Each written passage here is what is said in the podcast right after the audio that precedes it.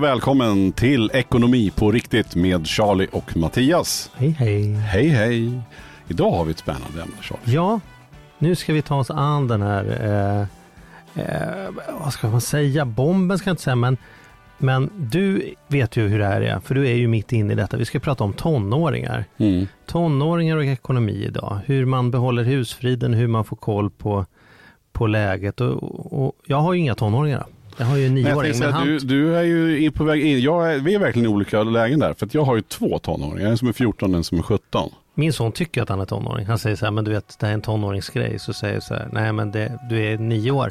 Ja men man kan säga att jag är tonåring, säger han. För att jag är lite mer, jag har faktiskt haft en finne på näsan, sa han till mig häromdagen. Så att, eh, så att han vill väldigt gärna bli tonåring. Det är hans, eh, Ja, han vill det. ja. Min son har lite ko- konstiga, han vill fort bli tonåring och sen vill han skaffa stort tomteskägg har han också på listan. Det, det, han har lite andra drivkrafter än vad jag hade. Men det, mm. Och jag börjar ju någonstans, alltså jag tycker att det Märk- bara har märk- blivit roligare och roligare ju äldre. Alltså jag har ju hela tiden tyckt att barnen, så här, nu blir det inte roligare. Så här. Nej. Nej men nu blir det inte roligare. Så, här. så Nej. där har jag ju liksom upplevt. Ja. Jag måste säga att det, än så länge så har, har jag faktiskt så tycker jag att det är fantastiskt roligt att även vara Men tonårsförälder. märker du av någon sån här, den där Ja, det jag kan tycka är jobbigt är väl att då den som framförallt då, och logiskt också 17-åringen Mm. eh, börjar ju bli så självständig. Och det är lite jobbigt. Men det är inte att han, är otrevlig eller går omkring och suckar och luktar illa utan det är mest att han inte vill leka med pappa lika mycket. Nej, men han tycker inte att jag är lika spännande och det är väl så det ska vara tänker jag. Jag tänker att det är väl ganska sunt att han inte eh, tycker det är så kul att hänga med mig. Men vi gör fortfarande saker ihop och då passar jag på att njuta desto mer. Sen låter jag honom vara. Eh, men det är svårt- klart att det, är är det svårt pågår. att inte vara som att man förlorar en Nej, men bästis det jag kan tycka eller? också, som- som jag då kanske blir lite gubbig i, det är ju just det här att liksom Ja, men med, med söka extra jobb till exempel. Mm. Tidigare har sonen spelat så mycket hockey så det har inte, egentligen inte funnits något utrymme för. Mm.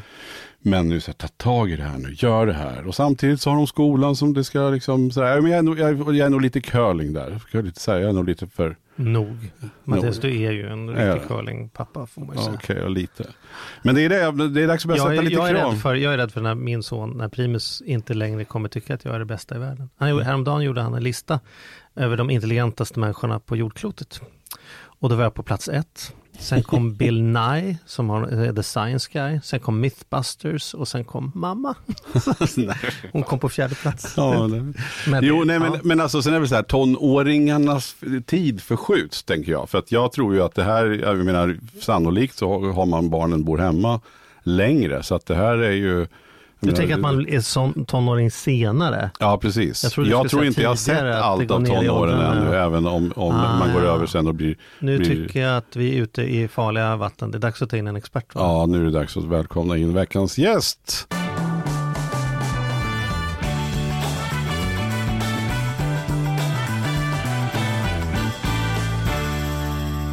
Birgitta Kimber, välkommen! Tack. En riktig doktor har vi här idag. Ja, vem är du? Berätta. Jag är doktor i folkhälsovetenskap och jag arbetar mest med att titta på ungdomars hälsa, framförallt deras psykiska hälsa. Vad som får dem att må bra och vad som får dem att må dåligt.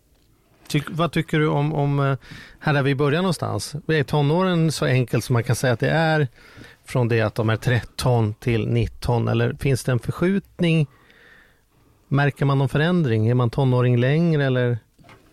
Det där är ju väldigt in, individuellt. Ja. När man går in i det som vi kallar tonårsperioden. Vi menar ju kanske adolescensen. Men alltså det, du kan ju ha en 12-åring som är väldigt mycket tonåring och du kan ha en 20-åring som är tonåring. Eh, Vad, vad, är- vad är en tonåring om vi ska, liksom, det är så roligt för det där använder man ju mycket som begrepp. Vad är det Ja. för dig, så här, vad är en, om, man är, om man är en tonåring, vad, vad är man då? synonymt med ungdom skulle jag säga. Eller om du säger tonåring så tänker jag lite mer på den här lite buttra, ibland struliga, ibland arga. Alltså en, ett, ett, en ungdom eller ett barn som växlar väldigt mycket i, i humör och som inte alltid har framförhållning. Som inte alltid kan planera.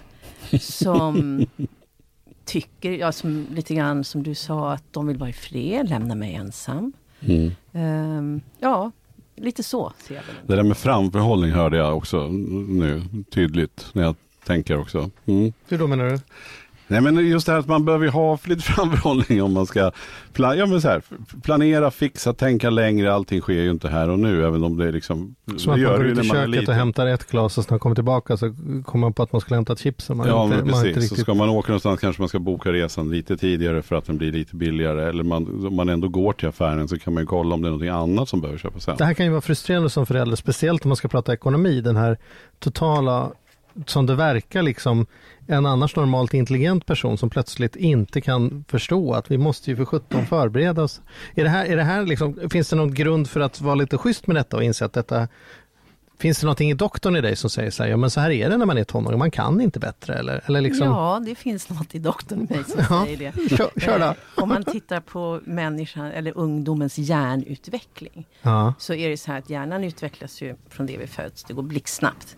Men de här exekutiva funktionerna som sitter längst fram i eh, hjärnloberna eh, de är inte färdigutvecklade förrän ungefär, vad säger man, 20 på kvinnor, 30 på män. Och så, wow, är det som kanske 25, ja, nu är jag lite osäker. Ja, men det är ändå stor skillnad. Kvinnor vad sa du, exekutiva, eller vad kallar du för? Det är, de som, det är alltså de funktionerna som hjälper dig att planera, att härbärgera starka känslor, att veta hur du ska handskas med saker och ting. Och de sitter här i prefrontala cortex. Medan ungdomen, när man filmar deras hjärnor, så ser man, tonåringar framförallt då, så ser man att den mest aktiva delen när de tolkar händelser eller tolkar känslor är en del som heter amygdala. Och den kan inte tänka. Utan den bara agerar rakt av. Utan att fundera, utan att tänka efter. Så att när ett, ett barn eller, eller, en tonåring säger så här, den där läraren hatar mig. Då mm. kanske läraren bara sett sur ut. Men i och med att den processas rakt in i amygdala och inte i så att säga, den tänkande delen av hjärnan. Då blir det sant. Så att ser du sur och arg ut, ja men då kan din tonåring tycka att du hatar mig. Men vad, vad ska man, för jag har ju också en amygdala tänker jag. Ja, men vad, du har lärt dig. Han, vad ska jag ha den till? Va, alltså, det, om man, det inte är tänka säga, mer än jag ska göra, vad ska jag egentligen göra med den? Eh, fly eller fäkta. Alltså mm. det är ju ett sånt här ursystem som vi har som varnar oss för faror. När det smäller till i buskarna då är det den som slår till och säger ja. spänn musklerna nu. Ja. Och har du varit med om något posttraumatiskt till exempel, om du har varit med om något, låt säga att du har levt i ett krigshärjat land och så exploderar ett bildäck i bakgrunden. Mm. Då kastar du den ner på marken, du hinner inte ens tänka vad du gör. Därför att det, den sitter, det sitter som en smäck liksom i amygdala, den rädslan. Och går den igång då har du inte en chans för då tar, då tar den delen över den tänkande hjärnan. Och det här är väldigt praktiskt om man är risk att man ska bli uppäten men kanske inte så praktiskt när man ska planera sina klädinköp som tonåring. Nej. Då. Men den styr ganska mycket ändå just därför att den, den styr våra känslor väldigt mycket och i synnerhet under tonårsperioden är den mer aktiv. Kan du ge exempel på hur det här ser ut? Hur kan jag känna igen detta hos en tonåring och få lite mer empati med det? Hur kan jag förstå att nu är det amygdala som pratar? Här, ja, liksom. om du har en tonåring som mycket lätt tappar humöret och brusar upp och skriker och gormar. Mm. Och så låter du den vara en stund. Så kanske den kommer tillbaka och börjar prata i en helt vanlig ton. Det är som ingen idé att gå in i en kamp när en tonåring har tappat greppet. Så att säga. Den kampen förlorar man alltid som vuxen. Inte en susning att man, att man vinner den kampen. Man ska aldrig det, slutar, det slutar bara illa, så menar ja. du? Alltså man försöker gå in och, och ta Som vuxen måste du liksom ta dig ur maktkamperna och försöka säga typ så här. Jag går, jag går bort ett tag, jag kommer tillbaka får vi prata när du har lugnat ner dig. Eller, eller du gör mig jätteupprörd när du förhåller dig på det sättet. Jag går bort en stund. När jag kommer tillbaka hoppas jag att vi kan prata om det här. Så att man öppnar upp, man ger öppningar men ändå sätter stopp. Man kan ju som inte gå med på vad som helst men du måste också förstå, någonstans ha en viss förståelse för Men kan man också säga att tonåringar egentligen saknar, alltså att inte den här empatin har satt sig? Du sa att, att den här starka känslogrejerna förankras eh, senare. Ibland eh. finns den ju där. Det är ju väldigt, alltså det är ju väldigt upp och ner. Ja. När, vad ska man säga, när, när frontalloberna är påkopplade när de inte är det. Eh, ibland är de ju det och det är därför det är så oerhört spännande och roligt med tonåringar. Därför att de är jättekul att prata med. Mm. Och jag kan komma ihåg från när mina barn var små att jag kunde sitta vid middagsbordet och prata och så plötsligt så kunde min dotter bara skaka på huvudet, resa sig upp och bara gå ut. För jag var det dummaste som fanns. Hon sa aldrig det men hon visade med all önskvärd tydlighet. Och jag visste inte vad jag hade sagt. Något dumt hade jag väl sagt. Men jag visste inte. Så det går så fort. När... Men hur ska man göra då? Hur ska, hur ska man hantera ett, ett, de här tonåringsbeteendena? Nummer ett är att man aldrig ska agera direkt. Att man ska hålla sig lugn. Så om du inte är lugn, gå någonstans och räkna till tio eller gör något som gör dig lugn. Det är kanske det absolut viktigaste, att aldrig agera i affekt utan hela tiden ha både huvudet och hjärtat med. När tycker du, bara så här spontant, jag förstår att det är individuellt, men vad tycker du generellt om, om vi ska gå in och prata lite pengar och ekonomi här och tonåringar. Ty, tycker du att, att tonåringar ska sommarjobba och när, när i så fall ska de börja göra det? Ja, sommarjobb tycker jag är okej. Jag är lite mer tveksam till jobb under terminerna om man går i skolan. Därför att skolan är så pass stort jobb som tonåringen har och för att klara den behöver man nog all den tid. Men sommarjobb tycker jag väl är okej. Och, eh, fast inte hela sommaren, de behöver ju också vara lediga. Mm. Men naturligtvis så, så kan de men du frågar när, tänker du 13, 14? Jag tror det Nej, finns en lag som styr upp det. Ja men precis, du, jag, precis. Men jag bara tänker att från 15-16 då är väl någonstans där man får börja jobba eh, Ja. och tjäna pengar. Men hur, hur motiverar man inte en... om att de, det handlar i alla fall inte om mitt liv, att jag tänker sommarjobb därför att jag tycker att vi behöver pengarna. Det kan ju vara familjer där det verkligen är så. Ska Verkligen. min son ha möjlighet att göra det han vill göra, då lär han behöva spara ihop de pengarna själv. Mm. Men i mitt liv handlar det om att jag tänker en tonåring, jag, jag har ju utvecklat min hjärna så jag vet ju vad som kommer ganska snart därefter. Mm. Det är flytta hemifrån och det är mera ansvar. Och om man vill lämna med någon typ av sunda ekonomiska värderingar, en respekt för pengar, ett visst typ av självförtroende. Jag i alla fall är väldigt engagerad redan nu i tanken på hur kan jag, även fast jag bara är nioåring då, hur kan jag hjälpa honom att få en så bra start som möjligt i livet i de områden som jag vet att han kommer vara engagerad i. Jag tror det är Kost och hälsa i ett sånt område. Han Mm. kommer behöva laga mat varenda kväll resten av livet. Ekonomi kommer han ha hela livet och så vidare. Va? Och där är det ju viktigt, inte bara vad det handlar om ekonomi, men även kost och hälsa och annat, att vi förbereder våra barn på livet. Att vi har långsiktiga föräldrar, det vill säga att de måste delta i hushållsarbetet. De måste spara till sina, de saker de vill ha, hur gott om pengar jag själv än har. Så, så, så förstör jag för mitt barn om jag bara ger dem saker. Berätta hur du tänker då. då? Jag tänker så här att om, om de får saker hela tiden, allt det de vill ha, alla resor de vill ha, allting. Och så ska de stå på egna ben. De klarar inte det då. Någonstans så ligger det i föräldragärningen att göra ditt barn flygfärdigt. Och det är ju många olika sätt att göra ditt barn flygfärdigt på. Det är ekonomi som ni säger, det handlar om att klara sig, klara sig sin hygien, klara mat, klara klara av massor med saker som förväntas av dem. Och då om du har bäddat för det, eller, eller om du har, vad heter det, curlat innan, då Mm. klarar ditt barn sig inte lika bra. Mm. Alltså så att det kan låta tufft ibland att man ska ställa de här kraven. Men det är så viktigt att vara en sån här långsiktig förälder. Att jag tänker att det här ska mitt barn klara om tio år. Så börja Eh, ekonomi är inte min starka sida kan jag säga, men hade det varit det så hade jag naturligtvis väldigt tidigt börjat lära mina barn sådana saker. Jag tänker när, när, om man jämför det du säger nu med det vi pratade om en stund sedan så tänker jag för mig som inte då, då har, har liksom någon, någon doktorsexamen i detta så är det läskigt att se så här, var går gränsdragningen? När ska jag ha när ska jag falla undan och ha empati för att den här personen kan inte bättre? Det är inte liksom utvecklat. Och när ska jag ställa krav? Förstår du vad jag menar? Ja, det, jag där, förstår det, där, jag det där är ju en menar. klurig balansgång. Ska jag hålla mina föreläsningar om att du måste, om du ska ha pengar som räcker till kläder, måste du tänka redan i juni på, på vinterjackan.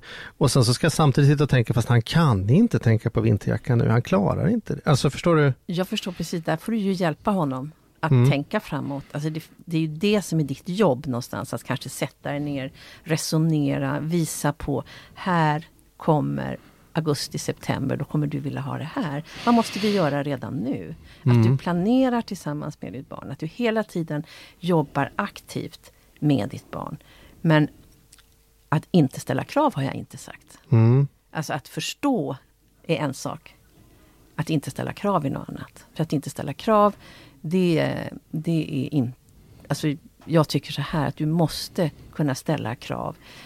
Och du måste också följa upp de krav du ställer med kärlek och värme. Och inte med straff och andra obehagliga tekniker. Så, så att om man, den här grejen att om du inte eh, om du inte bäddar sängen så får du ingen glass. Det funkar inte. Nej, jag tror inte på Alltså det. jag är emot, jag är emot all form av bestraffning men jag, jag, märker tror att den mer på att pågår. om du Jag, bäddar sängen så får du en glass. mm.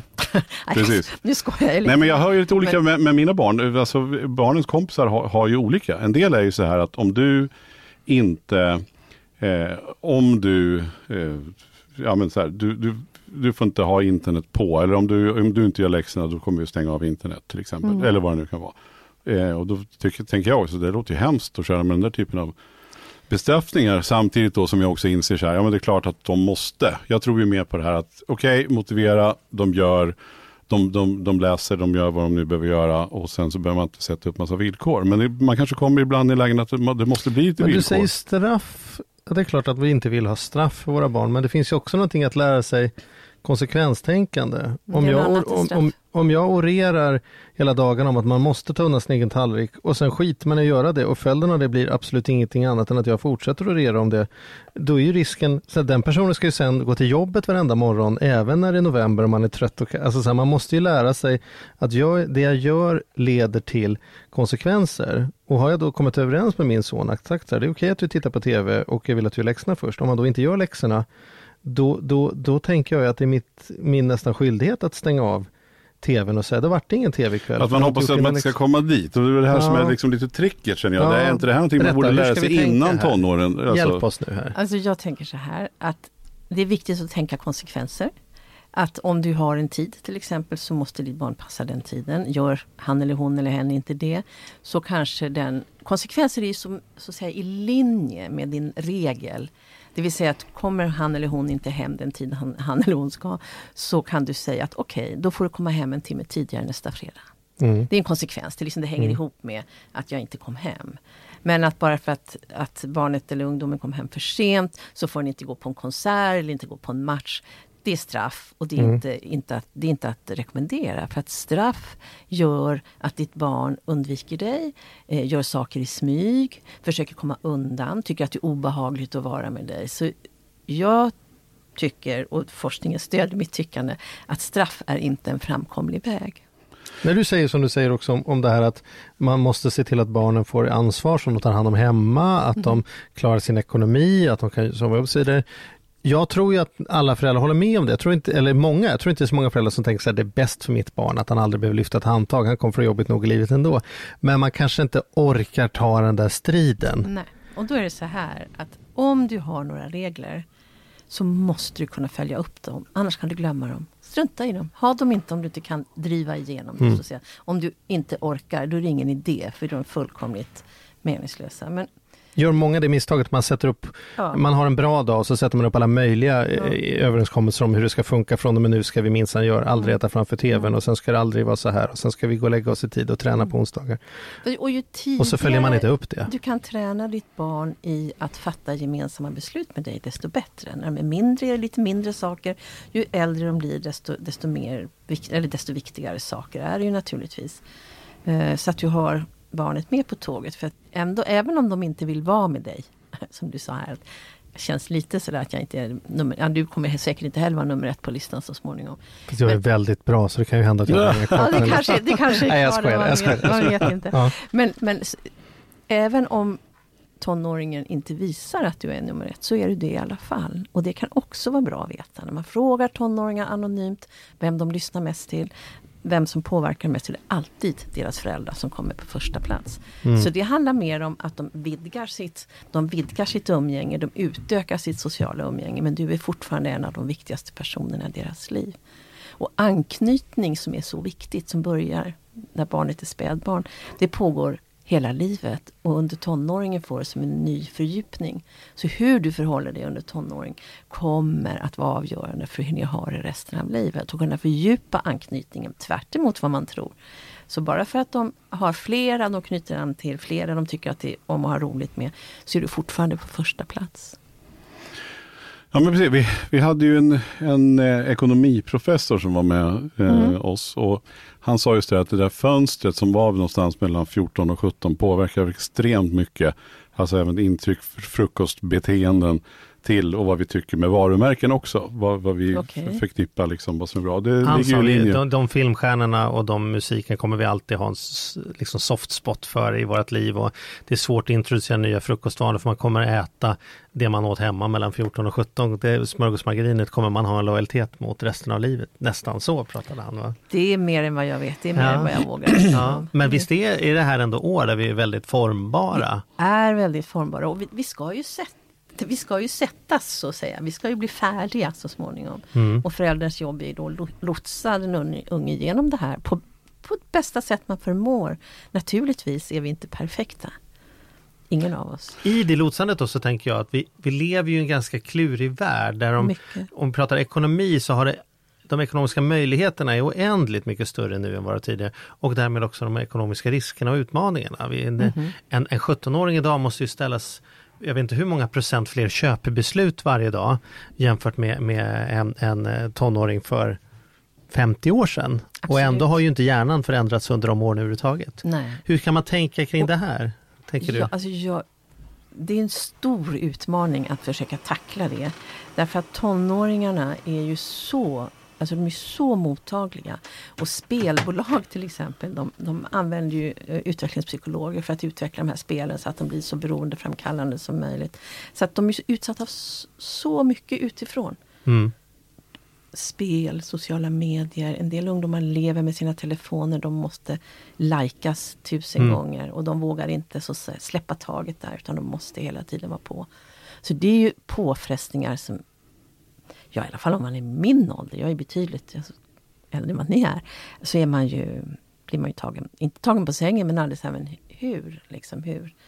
Men hur tror vi att den här generationens, nu är det en väldigt gubbig kommentar här, men jag undrar med den i alla fall. Hur tror vi att detta kommer påverka folkhälsan i framtiden? Alltså hur, hur, hur är hjärnan förberedd för en verklighet där man genom tonåren blev bedömd 3000 gånger per, per vecka och bedömda andra. Och, alltså, så här, jag tänker att det, har vi en kommande explosion att vänta oss av, av psykisk ohälsa här till följd av sönderstressade Jag, vå- 17-åringar? jag, jag vågar inte svara på det. Jag har inget stöd för att svara på det. Men om du berättar hur det en, känns då? En enda sak vet jag. Det är det att ungdomarna bor längre och längre hemma.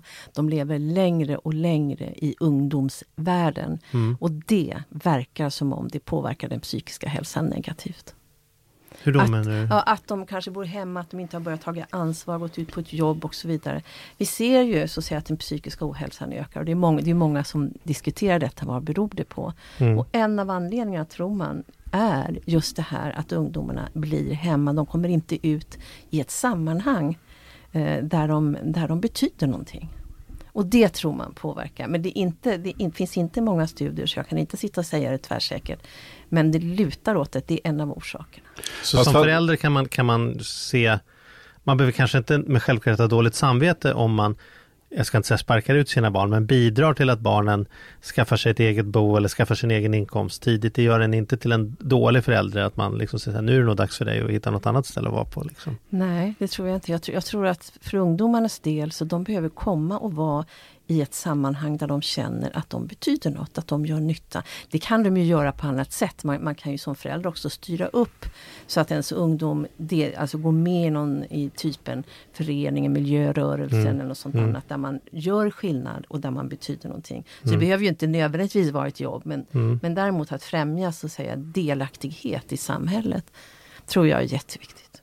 Men jag, jag skulle säga också så här, för jag har tänkt otroligt mycket på, på det som jag har en son då som är 17 som Eh, och man kan ju rätt störa sig på den här telefonen och att det är ett jädra snapchattande och sådär. Va? Men samtidigt så tänker jag så här, när jag var i hans ålder, jag satt och pratade med, med min pappa om det här häromdagen.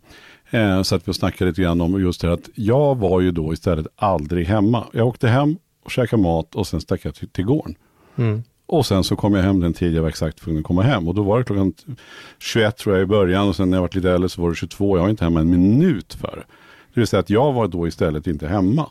Nu har jag en son som hänger med sina kompisar via sin telefon.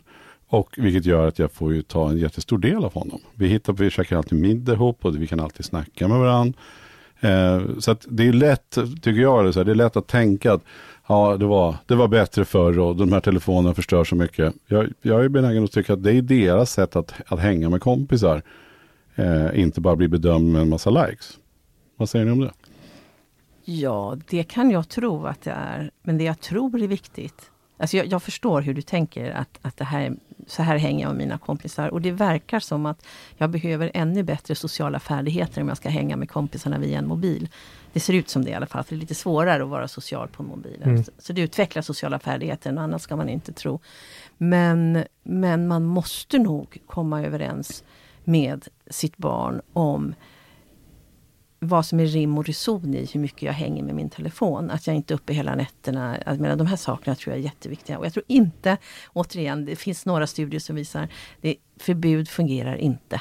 Utan det bästa är att komma överens med sin tonåring om regler eller ja, om... Klockan så här dags, då stänger, då stänger vi av, television, då stänger vi av telefonen. Ja. För sen tycker jag också att det är väldigt pressat rent generellt. Jag tycker att många känns ju väldigt stressade över skolan. Samtidigt så håller man på med en sport. Så tar det väldigt mycket tid. Förr var det mycket mer egen träning. Då hade man då hade man fotboll två gånger i veckan och sen så var man ute och lirade fotboll själv de andra tre, fyra dagarna i veckan. Nu är det ju liksom schemalagd, så har det varit för vår, vår del i alla fall. Då är det ju liksom schemalagd träning fem dagar i veckan plus matcher plus skola. Mm. Eh, det blir inte så mycket tid över heller. Nej, och det är samma sak där, att man får tillsammans med sitt barn göra upp som scheman som man tycker håller.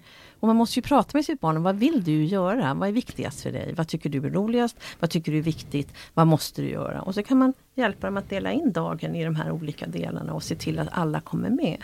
Och så tillsammans resonera fram. Och så prova och så följa upp. Prova två, tre veckor och så följa upp och se, funkade det här? Eller mm. gjorde det inte det? Så kan du ju hjälpa ditt barn.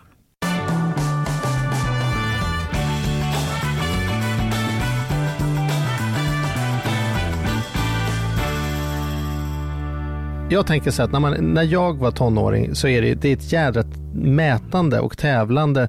Å ena sidan så vill man köpa för att se ut som alla andra, å andra sidan vill man köpa för att se ut som ingen annan. Det är liksom någon tävling mellan att vara både unik men vad som ändå inte sticka ut på något sätt.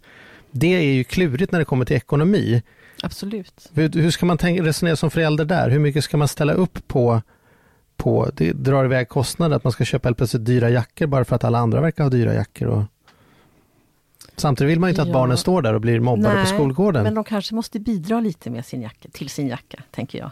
Att de måste få betala en del eller att man gör upp att de hjälper till hemma. Eller att man någonstans ser till att de måste jobba lite för de här, för de här dyra sakerna. Så när de säger det här är viktigt, då behöver man ha, ha något mer än att de säger att det är viktigt. Då behöver man säga okej, okay, kan du göra något som visar att det här är viktigt? Om du är beredd att kämpa för att få den här jackan, då är jag beredd att kämpa för att du ska få den också. Ja, Istället för att säga nej kostar, eller säga... Eller den kostar. Ja. Alltså, till, jag brukar säga så jag säger alltid ja. Det innebär inte att du säger ja, det innebär att du säger så här, ja visst ska vi titta på den där jackan. Vi måste också räkna på den, vi måste se hur mycket pengar vi kan lägga, hur mycket pengar du måste lägga. Då har du sagt ja, du går med och så börjar ni göra en plan. Det tror jag är det klokaste man kan göra. Sen finns det föräldrar som aldrig har råd att köpa de här sakerna mm. till sina barn. Och hur, hur konfronterar man sånt då? När, när man, när barnen kommer hem och det är dyrt. För just idag så är det ju en, eller nu för tiden ska jag säga, så är det ju en enorm märkesfokus. Eh, säkert ser det lite olika ut på olika delar av landet men generellt så är det en, en mycket märkesfokus. Det, det, det, skrivs musik om olika varumärken och det är väldigt mm. tydligt. Mm. Och det Andrea liksom... var och hämtade Primus på skolan och ändå, Primus de är nio år och det kommer fram små flickor till henne och frågar om, är det där en sån jacka, du vet så här, frågar varumärken så här, snygg jacka, är det en, och man vill så här, det är nioåriga flickor. Liksom. Jag vet också att på vissa skolor går ju folk och tittar in, i, liksom tar tag i andra barns kläder och tittar vad det står för märke, huruvida de skulle vara okej okay eller inte, vilket mm. är ju fullständigt vidrigt. Men, men om man då inte, det, hur, hur, hanterar man det om man inte liksom har den ekonomin? För det är ju supermånga som inte har det. Det finns ju nästan inget annat sätt att hantera det på än att säga nej, vi har inte råd. Jag, jag, ser, alltså jag vet inte hur du skulle kunna hantera det. Jag kommer ihåg när jag var liten, och som sagt, för jag är bra mycket äldre än vad ni är, då hade man också märkeskläder. Det är klart att vi ville ha det. Men det gick ju inte. Vi fick nog i så fall jobba för att få... Min mamma var ensamstående, hon hade inte råd att köpa dyra kläder till oss. Jag och min syster då. Så, ja. så tricket är även här att egentligen prata, prata med barnen, förklara läget? Och bejaka deras känslor tänker jag. Säga att jag förstår att du vill ha den här. Jag förstår att du vill se ut som alla andra. Men så här ser verkligheten ut för oss. Och även om du har gott råd att göra detta så skulle jag ändå tycka att det är bra om ditt barn får jobba lite för på ett eller annat sätt. Precis, även om du har en riktigt bra ekonomi så, så, så gagnar det inte med att man mm. skickar på dem eller köper allt de vill ha. Nej. Kanske en dum fråga men, men, Nej, men det men är verkligen så. både bra och dålig ekonomi, hur engagerad tycker du att man ska göra en tonåring i sin egen ekonomi? Hur mycket insyn och hur mycket del av besluten tycker du att en, en tonåring ska, ska vara med och lägga månadsbudgeten, diskutera att nu har vi inte råd med att åka på semester om vi ska, mamma ska kunna gå ner på halvtid. Alltså... Det där måste ju ändå vara upp, det där tänker jag väldigt upp till varje familj. Jag tror att ju mer delaktig du kan göra ditt barn, Eh, desto bättre är det när de blir äldre. Men att de skulle lägga sig i eller var, var, få bestämma över familjens budget, det kanske jag tycker är lite mycket. Eh, beroende på. Däremot om man till exempel ska åka på semester så kan man säga att de här, så här mycket pengar har vi. Eller så här lite pengar har vi till semestern i år. Vad tycker ni att vi ska, hur ska vi använda dem? Det är ju ett sätt någonstans där de är delaktiga, där man visar på vad kan vi göra, vad kan vi inte göra? Och där realiteten också måste finnas med. Förstår ni vad jag menar? Mm. Ja, jag förstår precis. För, jag har, för, för mig har det varit så att ju, ju äldre de, för det är tonåren är ju ändå, ändå, ändå några år. Och där tycker jag att i takt med att de har blivit, jag menar alltså, det, redan innan de blev tonåringar så har vi inkluderat mm. barnen. Men ju du och jag är ju lite speciella. Vi ja, jag tror att vi vara... kanske är lite övernördiga där, för vi ja. har verkligen inkluderat av barnen och, mm. till att de verkligen, de är inte, det är som du säger, skillnaden tror jag att, man, att de, de får inte fatta vilka beslut man ska, liksom vilken Nej, bil eller vilken. Stor skillnad i det. Ja, precis. Ja. Men däremot att man är informerad om att så här ser det ut, så här mycket tjänar man eller så tjänar mm. jag, så här mycket pengar har vi kvar varje månad. Eh, så här mycket kostar vårt boende, så här mycket kostar mm. Eh, kläder och sådär för att skapa en förståelse. Sen, sen märker man ibland att poletten trillar ner och det blir en aha-upplevelse och ibland så ser man bara, så, så ser de bara ut som att, vad pratar om gubbröv?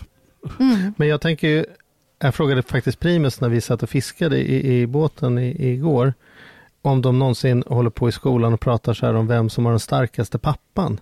För det kommer jag ihåg, vi kom ja, in på det på något ja, sätt, att min pappa skulle kunna slå ner din pappa. Och då berättade han, nej det hade de inte gjort, men en gång så hade de pratat om vem som hade den rikaste Alltså var den rikaste pappan. Och då hade de kommit fram på Primus skola om att det var Primus för att jag var den rikaste. Och det kan jag ju berätta varför, därför Primus var det enda barnet där som kunde redogöra på någon rimlig nivå för vad vi faktiskt hade för tillgångar. För han vet ju, vi har ju sådana aktier och sen har vi investerat i det och sen har vi, ja, det är så här, och för det är så vi pratar, vi döljer inte det. Och han vet att vi har gott om pengar, men det gör inte att vi köper massa fina märkeskläder till honom i alla fall, för vi tycker inte att det är värt det.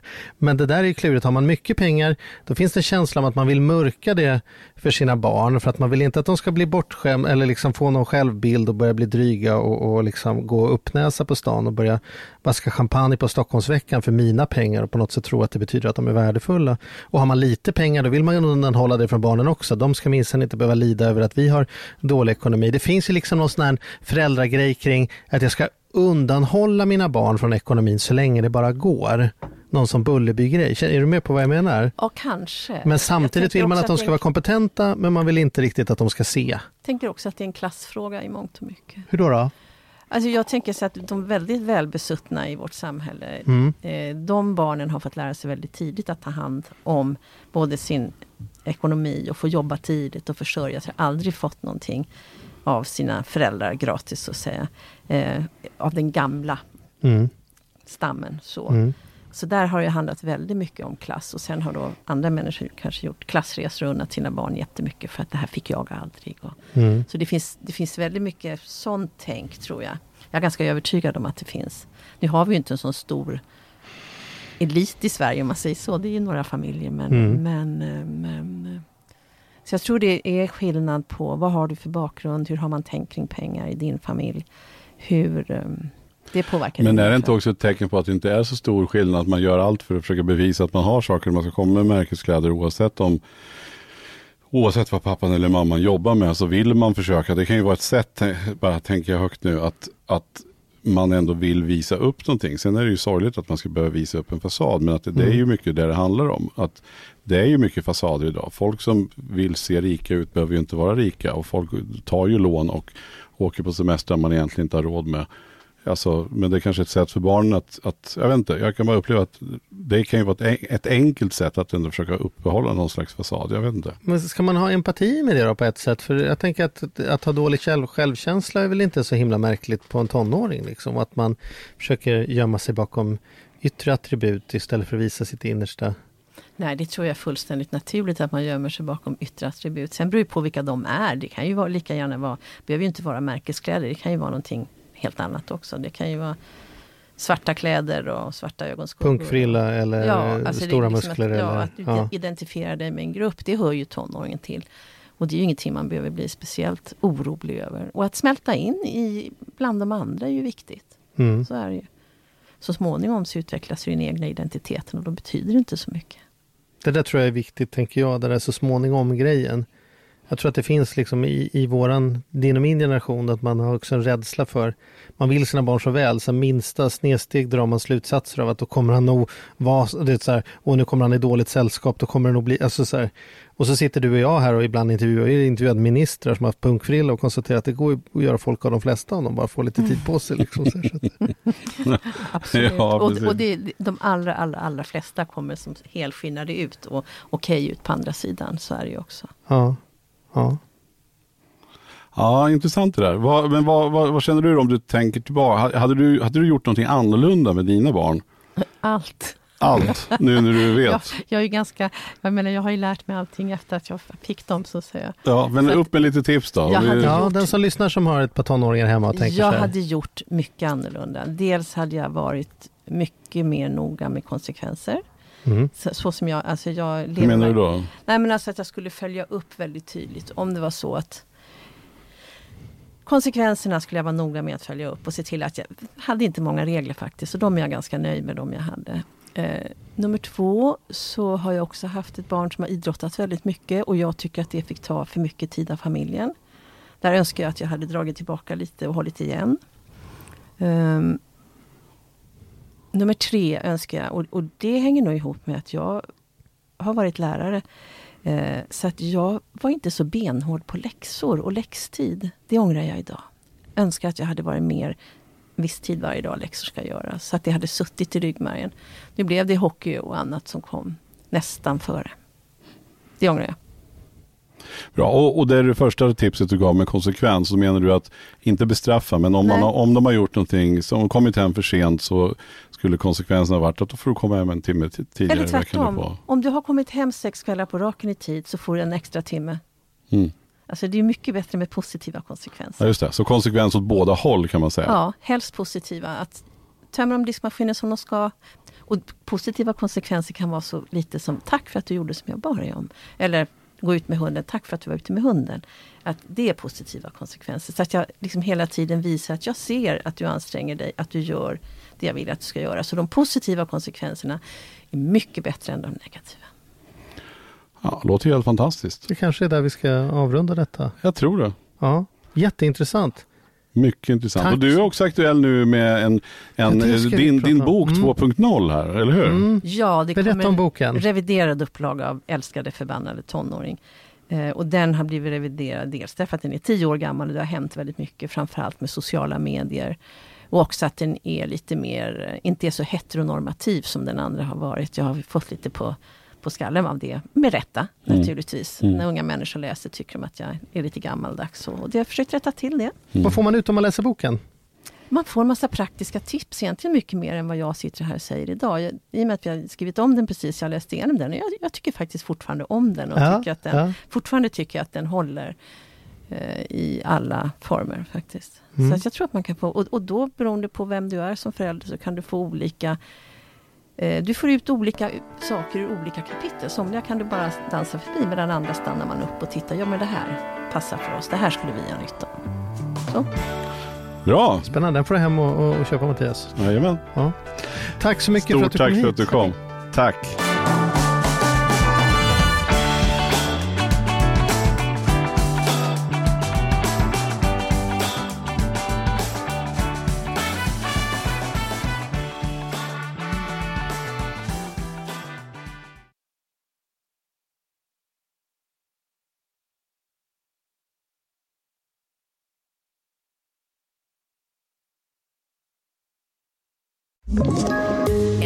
Poddtips från Podplay.